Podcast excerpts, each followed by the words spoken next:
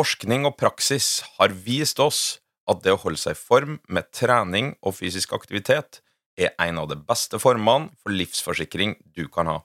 Men ingen av oss vet hvilke retninger livet tar oss i, og selv ikke trening kan beskytte deg mot uforutsette hendelser som brann og ulykker i hjemmet ditt, et sykt barn eller forsikre bilen din.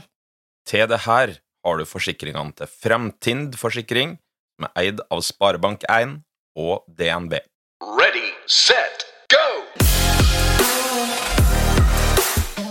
Hjertelig velkommen til ja, Vi kan vel egentlig si tilbake til prestasjonsprat med Eirik og Melina.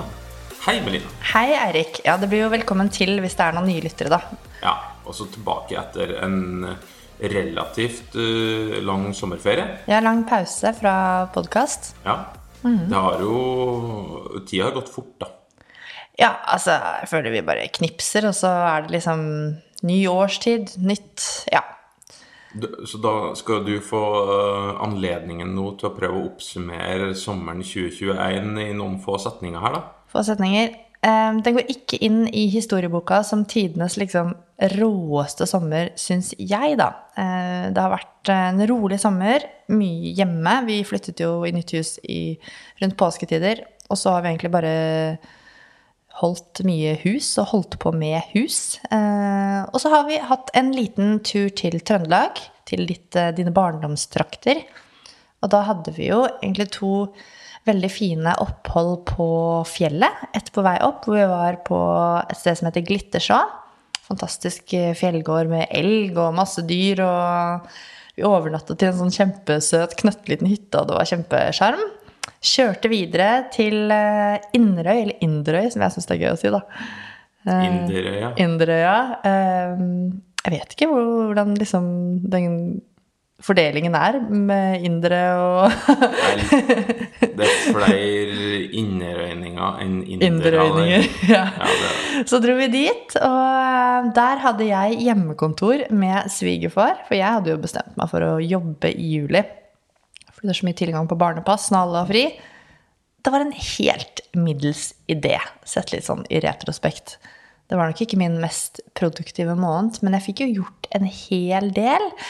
Men det ble òg mye kaffe og kanelbolle. Og jeg må bare si en ting. Sånn, eh, Svigerfar er jo litt mer av den gamle skolen. Han er jo ingeniør og arkitekt, jobber med helt andre typer data enn det jeg gjør. Men da var det sånn, inn på kontoret klokken ni, satte oss ned på en sånn lang pult som vi delte. Vi så hverandre i øynene, og så sa jeg kaffe og bolle klokken tolv. Ok, sa han.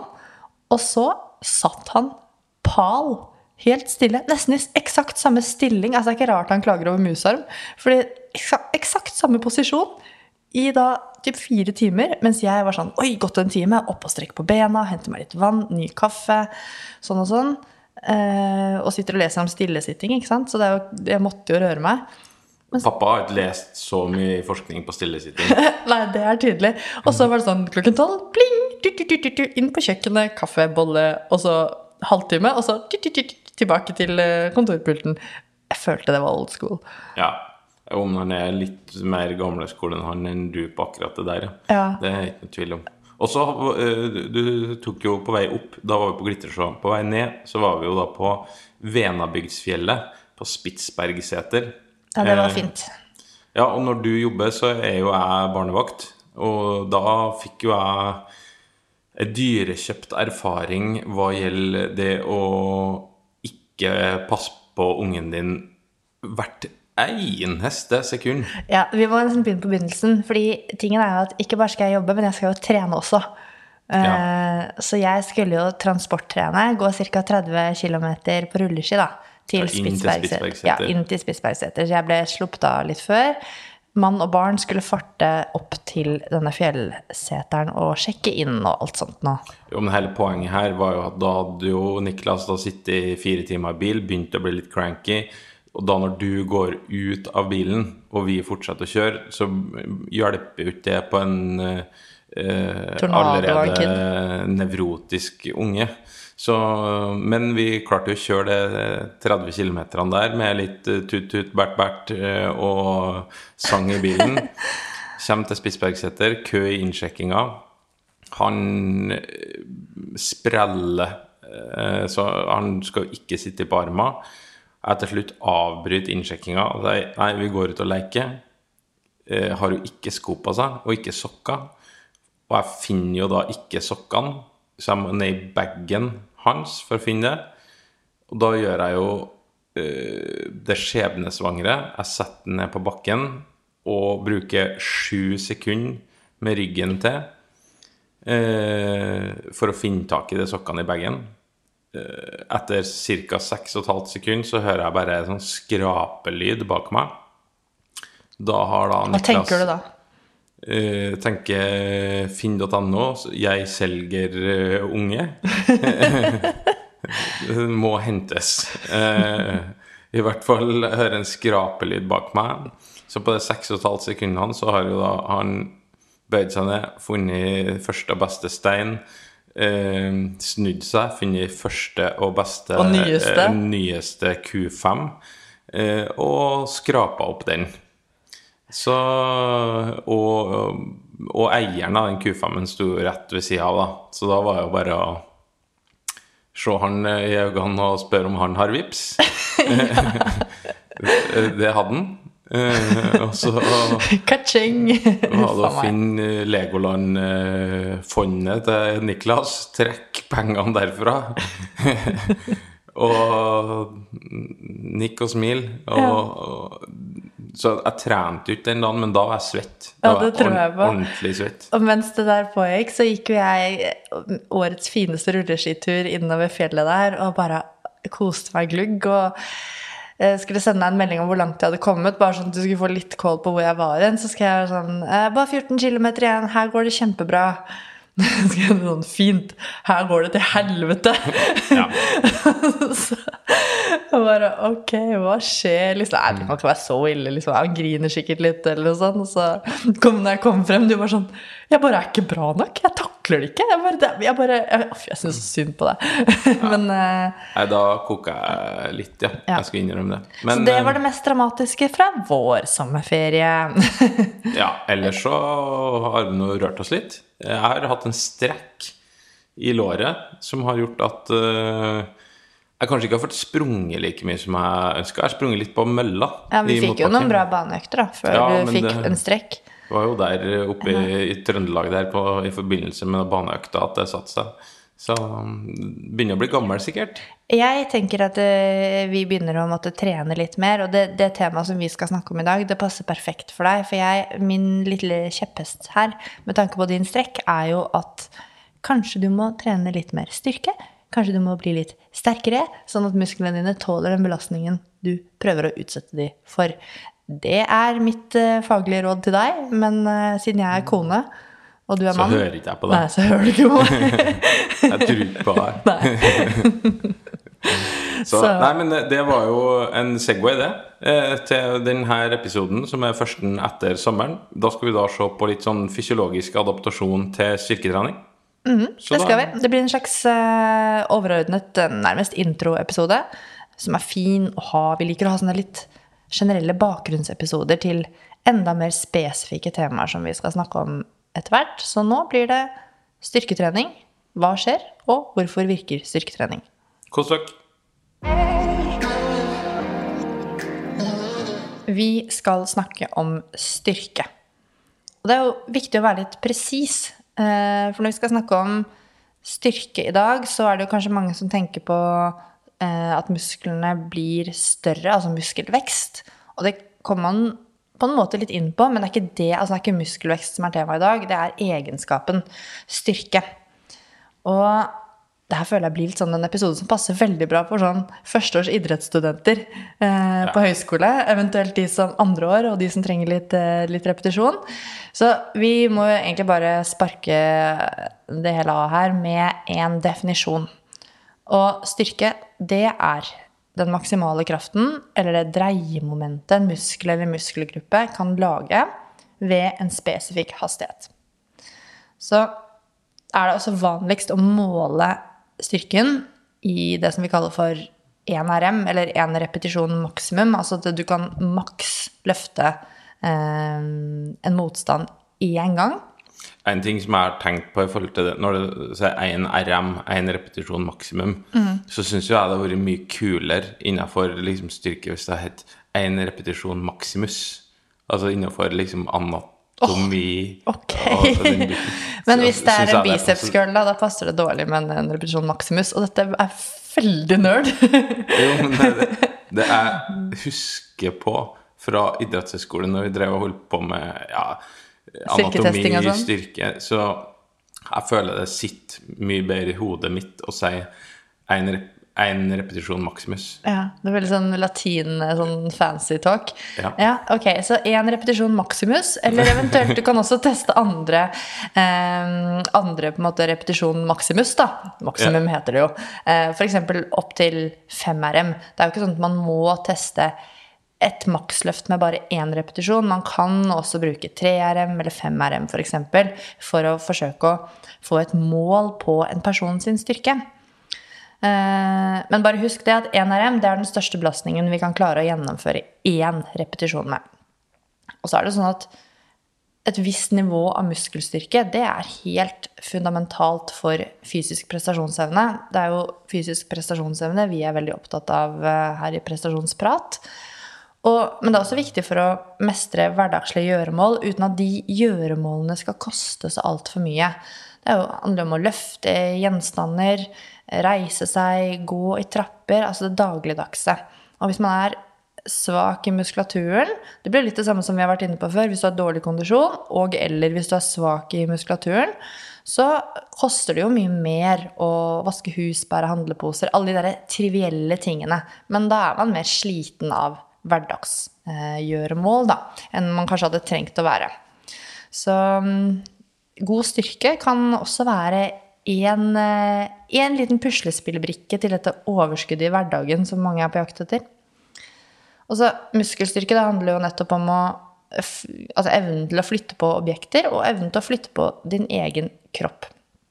Og størrelsen på den kraften som en helt isolert muskel kan skape, den kommer an på mange faktorer. Og det er de faktorene som vi skal diskutere litt i denne episoden her.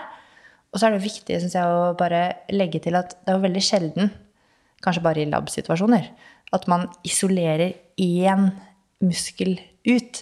Eh, sånn at det er jo mange ting som ja, Mange muskler jobber ofte sammen, men det, det blir litt sånn isolert tenking innimellom når vi skal prøve å forklare litt rundt disse faktorene som kan påvirke muskelkraft. da. Akkurat det med å trene eh, Å isolere en muskel når du skal liksom i gymmen der, det husker jeg på noen av de første gangene jeg var og ja, løfta et eller annet. Da fikk- vaffeljern. Ja, pumpe vaffeljern.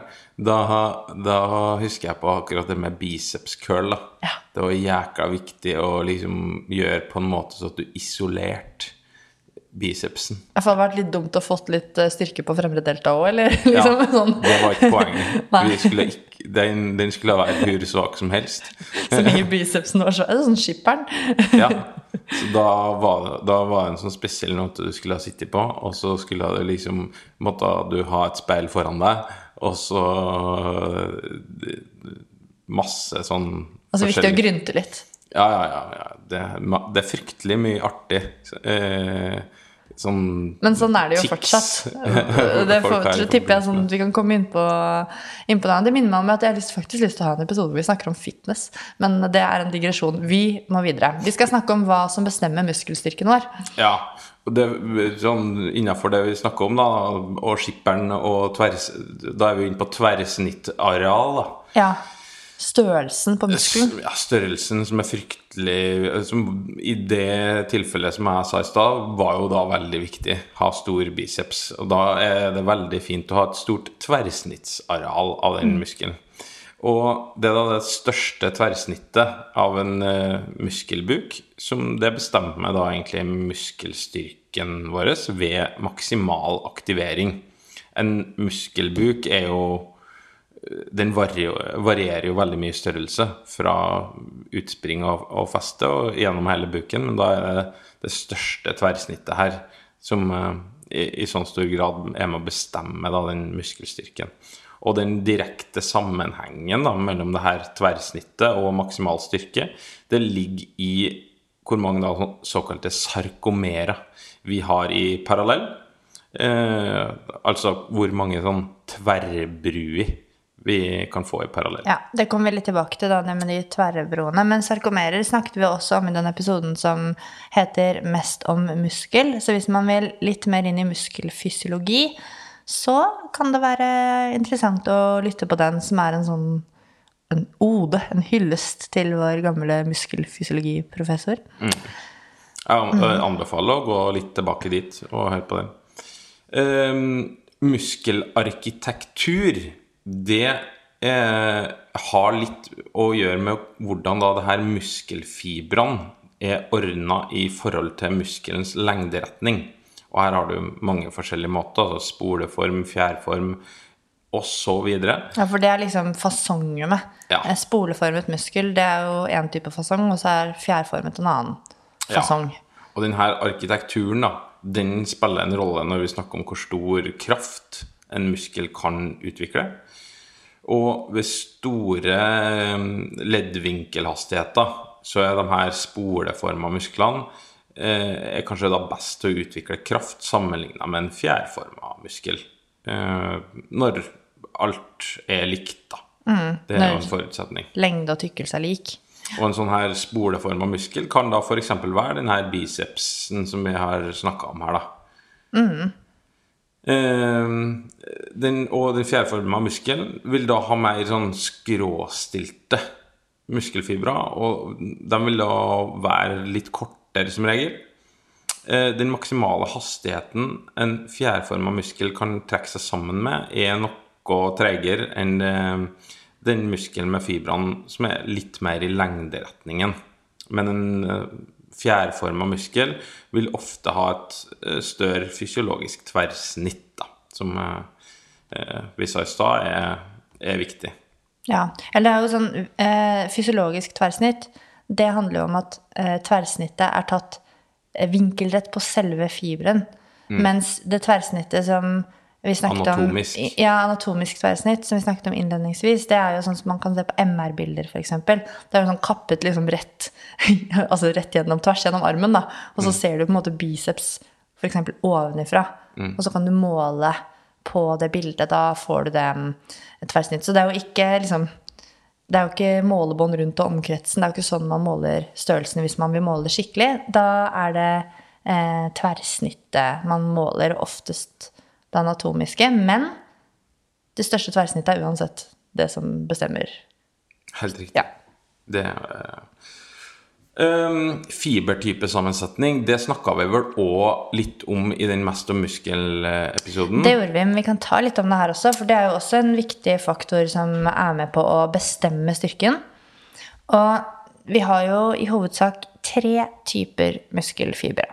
Og det er jo da type 1, eh, type 2A og type 2X. Og disse her er inndelt på bakgrunn av tre ulike såkalte isoformer. Isoformer det er på en måte varianter eh, av tunge proteinkjeder som er i muskulaturen til mennesket. Og det er jo ikke sånn at du har egen, altså bare disse tre typene fibre i kroppen. For det finnes også mellomstadier mellom da f.eks. type 1, type 2A og type 2X. Som ikke er helt sånn rene type 2A, f.eks., eller helt ren eh, type 1. Um, der eh, disse fibrene f.eks. har proteinkjeder både fra ja, f.eks. type 2A og type 2X. Så generelt sett så er det veldig stor variasjon fra menneske til menneske hvor stor andel vi har av de ulike fibertypene. Og her spiller jo genetikk en veldig stor rolle. Men treningshistorikken din den har også betydning. Fordi den kan også påvirke eh, både isoformene av fibertyper og selve sammensetningen i da, hele muskelen. Og disse muskelfibertypene de har litt ulike egenskaper. Og det er når fibrene forkorter seg ved en muskelsammentrekning, at denne fibertypesammensetningen kan eh, påvirke den kraften som produseres i en, stor grad, da. Fordi at jo raskere du skal trekke sammen musklene, desto tydeligere blir faktisk forskjellene mellom de ulike fibrene. Men generelt sett så er type 2A dobbelt så raske som type 1. Og type 2X er ca. 3-4 ganger så raske som type 1-fibre. Og da kan vi allerede begynne å tenke oss litt hvordan dette faktisk vil utarte seg i praksis. Hvis du har to personer som har ulik fibertypesammensetning, så vil de jo ha kanskje ulike utholdenhetsegenskaper og ulike hurtighetsegenskaper. Og to sånne eksemplarer sitter jo her og spiller inn podkast nå. En som er av den litt mer hurtige typen. Jeg tror du skulle si en som er litt av den bedagelige typen. Da. Ja. Men eh, nå finnes det jo mer ekstreme eksempler enn oss. da Hvis du tar. Usain Bolt og Kipchoge, altså eh, olympisk mester i maraton. maraton, og ja, tidligere olympisk mester på 100 meter, da. Ja, men verdens raskeste mann. Ja. Så er det Jeg vil si at det er større ytterpunkter enn meg òg, da. Absolutt. Men jeg tror nok liksom når folk trener sammen med andre på et idrettslag eller en gruppe, så, så de trener ganske likt. De har veldig lik treningshverdag, eh, kanskje ganske lik totalbelastning i hverdagen. Eh, men så, og selv om man trener det samme, så er det noen som bare er raskere, og noen bare er mer utholdende. Mye på bakgrunn av da eh, genetikken, som også er med på å bestemme denne sammensetningen. da. I hvert fall da, Når to muskelgrupper har samme eh, tverrsnittsareal og samme nivå på den maksimale styrken, og disse to muskelgruppene skal trekke seg sammen så raskt som de bare kan, så vil den muskelen med høyest andel raske fibre skape størst effekt, eller watt, da, eh, om du vil.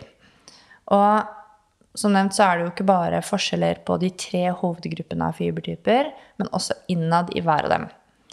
Og det er bl.a. pga. disse proteinkjedenes sammensetninger.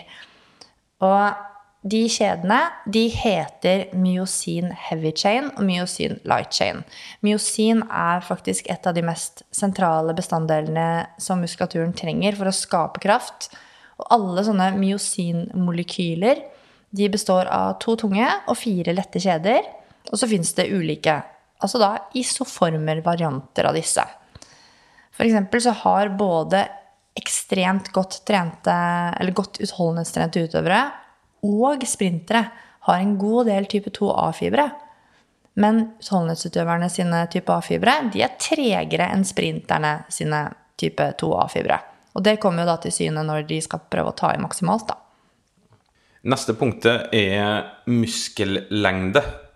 Og kraftutviklinga vi har, det vil variere med muskellengden. Dette er fordi ulike lengder i samme muskel vil skape ulike forhold for graden av overlapping da, mellom de her to proteinene aktin og myosin, som er kontraktile proteiner, som du, Melina, skal ta litt om senere. Og det som er litt artig, er at det her fungerer jo egentlig som en type borrelås, der det ene er en slags jeg kaller en fiskekrok, som hekter seg tak i det andre proteinet. Skal vi kalle det en fiskemunn? Eh, Er det aktine som er fiskemunn, og myosine som er fiskekrok? ja, I mangel på annet, annet ord, så syns jeg det funka veldig bra. Og jo mer da overlapping de her to delene har, desto sterkere blir koblinga, og muligheten til å, å skape stor kraft da, er større. Så når du strekker ut en muskel, så reduseres kontakten mellom antallet tverrbroer eh, som aktin og myosin klarer å lage. Og jo mer muskelen forkortes, jo flere tverrbruer klarer jeg å lage. Det her er- tror jeg egentlig er ganske sånn enkelt for folk å teste ut òg, da. Hvis du strekker armen helt ut og, og prøver å, å løfte opp noe da, så er det klart det er andre ting som spiller inn òg, som heter moment og ermer, som vi skal snakke om litt senere. Kan ta en rett ned, da. Ha en helt utstrekt kontra litt opp, så tror jeg du kjenner forskjellen i muskelstyrke. eh, Ja, for eksempel da ved da den nå mye nevnte biceps curl, som er jo verdens enkleste eksempel som, å bruke når man skal forklare et eller annet om trening. Da går man ofte til biceps curl. Eller pumpe vaffeljern. Eller pumpe vaffeljern. Men når du da skal pumpe vaffeljern, så er det sikkert mange som har kjent på ok, du står der og, og jobber opp og ned innenfor et visst bevegelsesutslag, og så, hvor du kanskje f.eks. La oss si at du ikke strekker albuen helt ut, da. Um, at du jobber f.eks. innenfor litt eh, ikke full, fullt utslag på albuen, og så på en repetisjon som begynner å nærme seg slutten av settet ditt, så, så strekker du litt mer ut enn du har gjort på alle de foregående, og du begynner å bli skikkelig sliten. Da kan det bli ordentlig tungt å få opp den vekten, og kanskje man ikke klarer det, f.eks. For eksempel, fordi at det ikke ble tilstrekkelig med overlapping eh, i aktin og myosin, da, i tillegg til at man begynner å bli sliten, selvfølgelig. Ja. Så, så det er jo litt sånn at det er jo et optimalt eh, lengdeområde som hver muskelgruppe har for å utvikle maksimal kraft. Ja, og du, antall tverrbroer er på det mest optimale.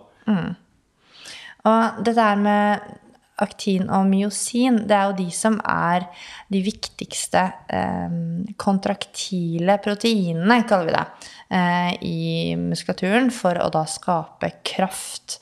Og det at de er kontraktile proteiner, det betyr bare at de er med på å lage muskelkontraksjoner, som er sammentrekninger. Og selve konsentrasjonen av disse proteinene har betydning. Jo høyere konsentrasjon du har av aktinomyosin, desto større kraft kan en muskel skape. Vi har jo snakket veldig mye om utholdenhet og kondisjon i denne podkasten. Hvis jeg skal trekke en parallell, så blir liksom aktinomyosin det blir som styrketreningens mitokondrie. Og det kan ikke helt sammenlignes, men sånn, jo mer av dette, desto bedre, desto større kapasitet har du.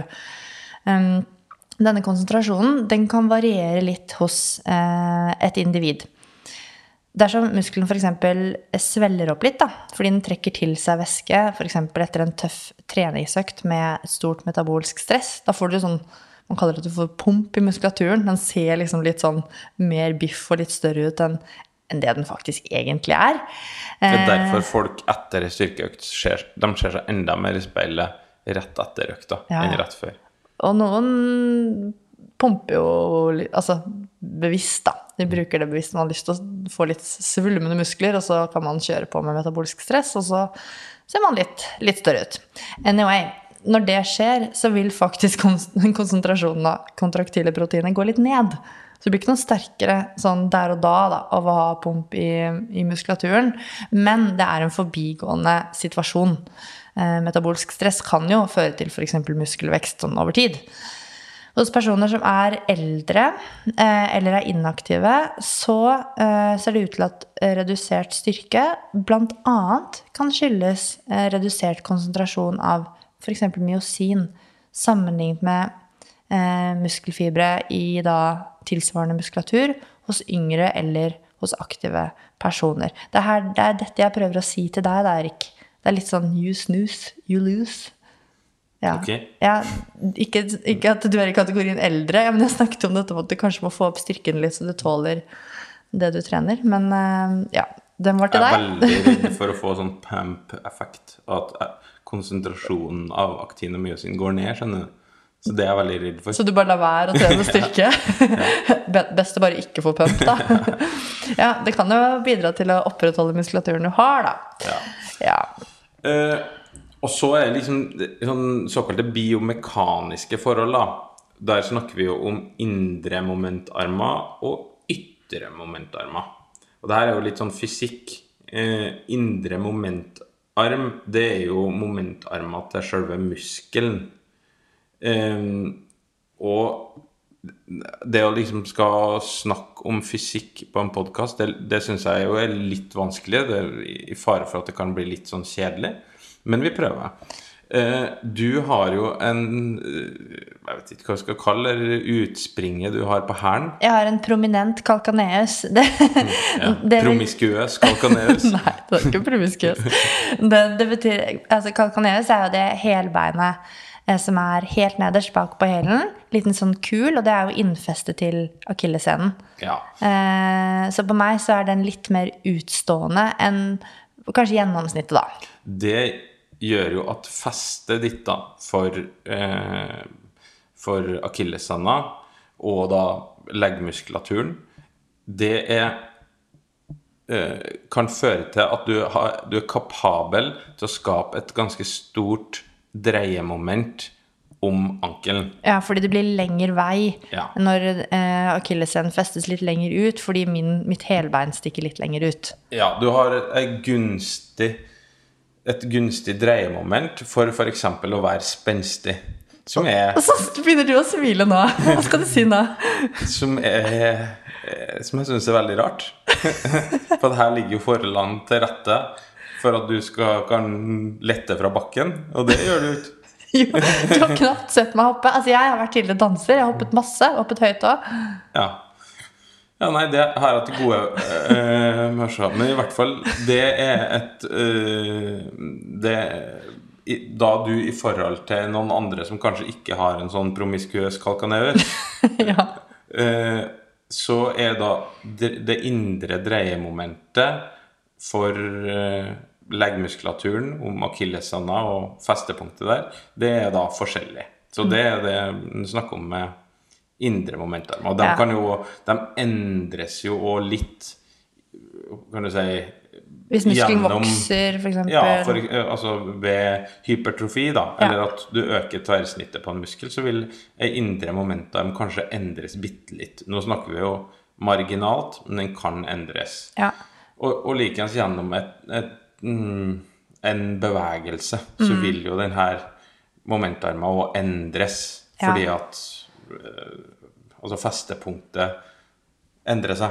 Ja. Eller festepunktet endrer jo ikke seg, men øh, i forhold til bevegelsen så gjør det det. Mm, så det, de, altså det med biomekaniske forhold, det har jo egentlig ganske altså utrolig mye å si for hva slags eh, kraft du kan klare å skape, hva slags liksom, fysiske attributter eller egenskaper du har som utøver. Men sånn som denne kalkaneusen min, da, som du nevner, ja, det, det er på papiret eller sånn, det kan se gunstig ut, men så er det dette her tilbake til det med muskel-fiber-type sammensetning. Du må jo også kunne ha det nytter ikke bare å ha en lang liksom, vektarm da, skapt av en sene og eh, et, eh, et bein som stikker litt lenger ut. Det må jo også være litt, litt raske fibertyper som kan sant, trekke sammen Selvfølgelig, og det her er jo gitt under forutsetning at uh, det sammenlignes med en annen person som har akkurat samme forskjellene. Hvis uh, du har tatt din leggmuskulatur og satt på noen annen sin hæl, så hadde du vært mindre spenstig. Takk for det. Ja. Eh, og så har du Altså det med ytre momentarmer er jo mer hvor krafta virker eh, på eh, Ja, for å ta bicepskøll igjen, da. Så hvis du strekker eh, Har albuen inntil deg, så har du arma ut, så vil den ytre momentarma di være hvor krafta trekker ned, altså 90 grader Ja. ned Du på har arma. albuen mm, bøyd i 90 grader og Ja. overarmen inntil kroppen. Ja. Sånn, sånn Tyrannosaurus rex, for eksempel. Mm. Han har gode biom biomekaniske Altså ytre momentarmene til han var bra Ja, til korte. Veldig korte ermer. Så skal du ta verdensrekord i, i biceps curl, så anbefaler jeg å ha et vel... Altså Vær litt sånn Tyrannosaurus, Tyrannosaurus rex i kroppen. Ja, vær veldig kort øh, altså underarm. Det er en fordel. Men det ser man jo f.eks. Eh, på pullups og pullupsprestasjon f.eks. Og også benkpress. At det Ja, og knebøy. Ja, eh, at det, da er det, for, det er fordelaktig å ha litt kortere lemmer, rett og slett. Ja, så hele poenget er at det, det momentarmene det har mye å si for evnen til å uh, gjøre en god prestasjon i enkelte Ja. idretter. Og det betyr jo at noen har jo bare rett og slett fått uh, Er bare så velsignet med liksom den rette typen momentarmer for da den idretten de faktisk endte opp med å velge. Og da kan man jo også tenke litt på Valgte man den idretten, eller ble man valgt av idretten? Ja, det men, ikke, det, eh, Ja, det ikke. Men, men det er jo helt klart noen som da vil ha noen, noen fordeler. Men livet er ikke rettferdig. Nei, og det er liksom vanskelig å gå inn og øh, kutte lårbeinet sitt fordi at en ønsker å ta mer i knebøy. Det er en komplisert greie for å ønske å ta litt mer. Ei heller å drive med sånn strekkapparat, sånn gammel gammelt torturredskap. Tror heller ikke det funker så bra for å Nei. øke noe indre momentarm. Det er jo egentlig sånn, Når vi skal snakke om faktorer som kan ha betydning for styrke, da, så deler man det jo liksom inn i eh, både det som har med biomeka- biomekanikk og, og, og selve sånn muskulaturen å gjøre. Men så er det liksom en annen del, og den handler om sentralnervesystemet. Og det er kanskje ikke like mange helt håndfaste bevis for de nevrale faktorene og tilpasningene eh, som de gir til styrketrening. Fordi de helt konkrete mekanismene i neuraksis, altså dvs. Si hele liksom, aksen, hele nervesystemet totalt sett, ikke er identifisert gjennom eksperimenter. Men det fins ganske mye indirekte bevis. Blant annet har man sett at ved å trene det ene beinet eller den ene armen til å gjøre en bestemt øvelse, mens den andre eh, armen eller benet har vært eh, passiv, og i noen tilfeller også gipset, eh, har gitt eh, styrkefremgang på begge sider av kroppen, selv om man bare har trent den ene siden. Og det har man da sett at man har fått en styrkefremgang i f.eks. uten at det er hypertrofi, da, uten at det er muskelvekst til stede. Og da liksom støtter det opp om den konklusjonen om at ok, er, her er man eh, fremgang fordi at det har vært eh, noe som har skjedd på nevralt nivå, fordi det ikke er muskelvekst. Um, men likevel klarer du å løfte eh, tyngre vekter enn før. Og graden av aktivering vil bl.a. styres av eh, det som vi kaller for motoriske enheter. Og en motorisk enhet, dette ble også nevnt i den der eh, mest og muskel-episoden vår, men det er altså en eh, nervecelle og muskelfiberen som den nervecellen innerverer. Nervecelle, nervetråd, det er liksom samme. Det var sånn typisk sånn første spørsmål i eksamen i På nevromuskulær biologi. Ja, men hva er en motorisk enhet? Ja. Og- og Jeg tror det også var sånn tegn, en motorisk Ja, Og så brukte du sikkert 30 minutter, og så tegna du det sånn med 1000 forskjellige farger og sånn. Ja, ja. Mens vi andre, vi, vi på et vis bare brukte en blyant. Trakk en runding med en tråd til, altså like, Jeg tenkte det var like hyggelig for sensor å få litt forskjellige farger, men ja.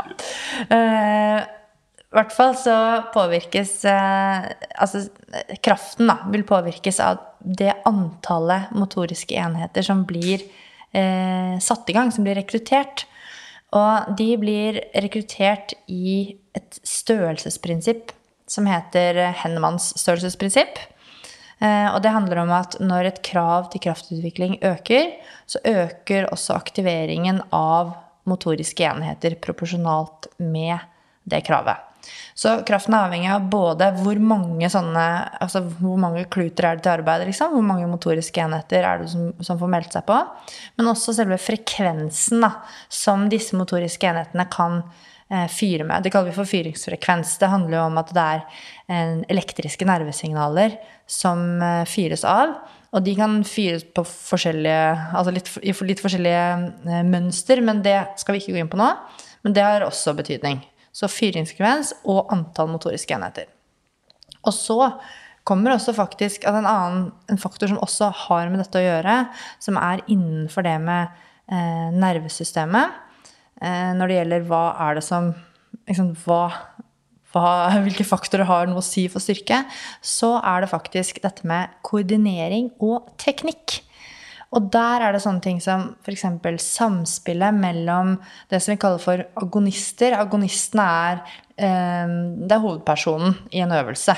I biceps curl så er det biceps som er agonisten. Men biceps eh, må også ha et samspill med muskulaturen på motsatt side av leddet, som da blir bl.a. triceps. Og det er en antagonist. Så samspillet mellom agonister, samspillet med antagonister, og også samspill med muskler som er på en måte, jeg kaller det liksom hjelpemuskler. De er ikke helt hovedperson, er, men de er viktige biroller. Det er da synergister. De muskelsamspillene de har også stor betydning for eh, hvor stor kraft du klarer å utvikle. Fordi det vil påvirke koordineringen din og teknikken i et løft, f.eks. Det hadde vært veldig dumt hvis biceps og triceps hadde fira maksimalt i en bicepskøll. Ja, hva skjer da? Det er sånn eh, det er Ja, da- hva, skjer da- i leddet da? Hvis de fyrer li, likt i størrelse med tanke på kraft? Ja, da blir handa stående. Ja. Helt statisk, stille. Så da, da løfter du ikke så mye i bicepskøll. Nei. Det er poenget mitt. Og det Jeg tror ikke man viljestyrt kanskje klarer å ja, Hvis man strekker alt man kan, liksom, og strammer på Nei, nei, glem det. Eh, Men ja, det er fint at det ikke jobbes like mye på hver side av et ledd. Men samtidig så er det jo mange som ikke tenker over at når du gjør ja, denne bicepscurlen, når du gjør en maksimal sammentrekning på, siden, på den ene siden av et ledd, så slapper ikke den andre siden helt av. For da ville du fått en voldsom fart, og du ville fått en ekstrem belastning også på det leddet som, som du dreier rundt. Da. Så det er, eh, det er hele tiden noen, noen muskler på motsatt side av leddet som jobber eh, eksentrisk, heter det da, som jobber liksom å bremse og stå litt imot.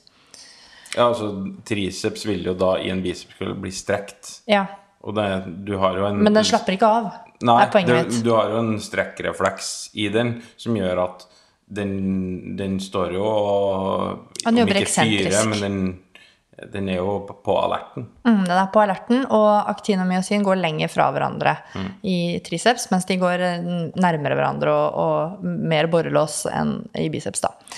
Ehm, en annen ting som også er, er, eh, har betydning for styrke når det gjelder koordinering og teknikk, da, det er jo at man har muskelaksjon, altså at det skjer, det skjer noe i muskelen på rett tid. Timing. Det er også, også viktig. Um, og at den maksimale sammentrekningen i en gitt muskelgruppe kommer på rett tid for å få til f.eks. en frivending, da, som er et ganske komplekst løft. Da er det veldig viktig at liksom alt klaffer til rett tid. Eller når du skal gjøre et hvilket som helst maksløft, egentlig. Og i idrettsbevegelser. Og så må man jo også ha god stabilisering av ledd. eh, Ellers vil man jo tape mye kraft til, unødvendige retninger. Og man må også ha en optimal stilling i gitte ledd, sånn at dette samspillet mellom musklene går eh, som det skal, eh, og at du får riktig timing. Så det er ganske mye på den koordinasjon- og teknikksiden da, som har betydning for kraften som du vil få ut. Og eh, over tid så kan idrettsspesifikk styrketrening, eller be, kall det bevegelsesspesifikk styrketrening, da, der målet bl.a. er å forbedre de punktene som har blitt nevnt nå. Eh, det kan bl.a.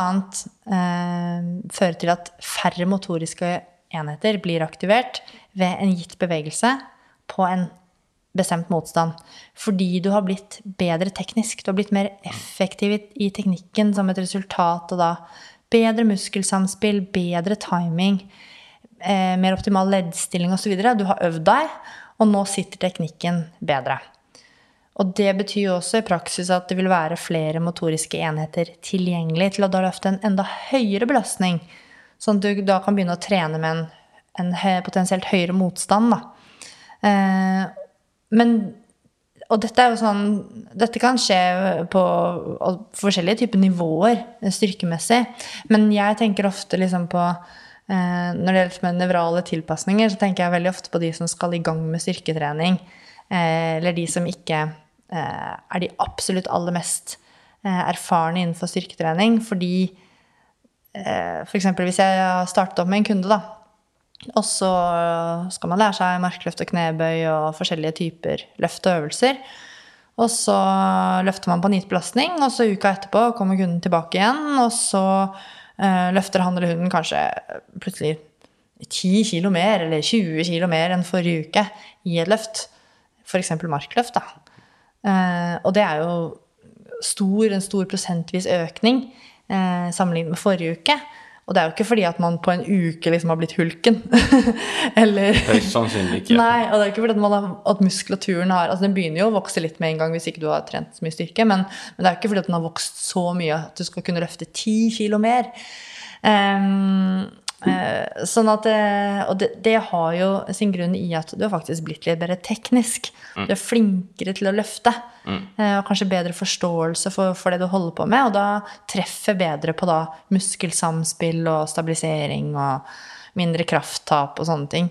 Så, mm, så det er jo da en, en sånn motorisk og også da nevral tilpasning Eh, men, men man kan absolutt selvfølgelig bli eh, sterkere på ekte også ved nevral tilpasning. At man får bedre fyring. Raskere Sterkere på fyring. ekte. Ja, så, ja, men det er ikke liksom Det høres ut som det er sånn Nei, men du er ikke, du er ikke blitt sterkere på ordentlig. Du har bare blitt litt bedre til å bevege deg. Men, men det er også en effekt. Veldig bra. Det var Mhm. Er du inspirert til å trene styrke? Jeg skal ut og ordne samspillet mitt mellom eh, agonister, antagonister og synergister nå. Du skal ordne det. Ja. Jeg må få fiksa opp i det. ja. Eh, jo da, jeg må prøve å få rørt meg etter hvert i det òg. Eh, I morgen drar jeg på samling. ja. Det skal vi snakke mer om i neste episode. Det skal vi. Um, Så jeg drar bort i tre uker til høyden. ja. Så det blir jo spennende. Det blir artig for deg. Det blir veldig, veldig deilig. Mhm. Så får du kose deg. Jeg skal være her og svinge på kettlebellen min og Ja, vi må jo få opp et løfterack hos oss også. eh, I det som holder på å bli et hjemmegym. Så kanskje jeg skal researche det litt. Grann. Eh, hvilke rack og skiver og stang man skal ha. Sånn at det er litt å Så Det er klart til styrketrening når de kommer hjem. Ja, ikke sant? Det er litt å kaste rundt på. Neida, men vi håper at dette var en episode som kan gi kanskje litt bedre forståelse for alle de faktorene som påvirker egenskapen styrke. Eh, og så skal vi dykke mer inn i ikke sant, hvordan kan du påvirke styrken. Dette med trening. Men da må vi jo jobbe på en sånn måte at vi berører disse faktorene, blant annet. Da. Eh, men det å ha litt eh, bakgrunnsinformasjon om hvorfor eh, eller hvilke faktorer som har betydning for en egenskap, det kan av og til gjøre det litt lettere å finne ut hvordan man skal trene. Så vi som er fysiologer, er veldig opptatt av sånt, da. Sånn er det. Sånn er det. Så da takker vi for i dag. Det gjør vi. Ha det bra. Ha det bra.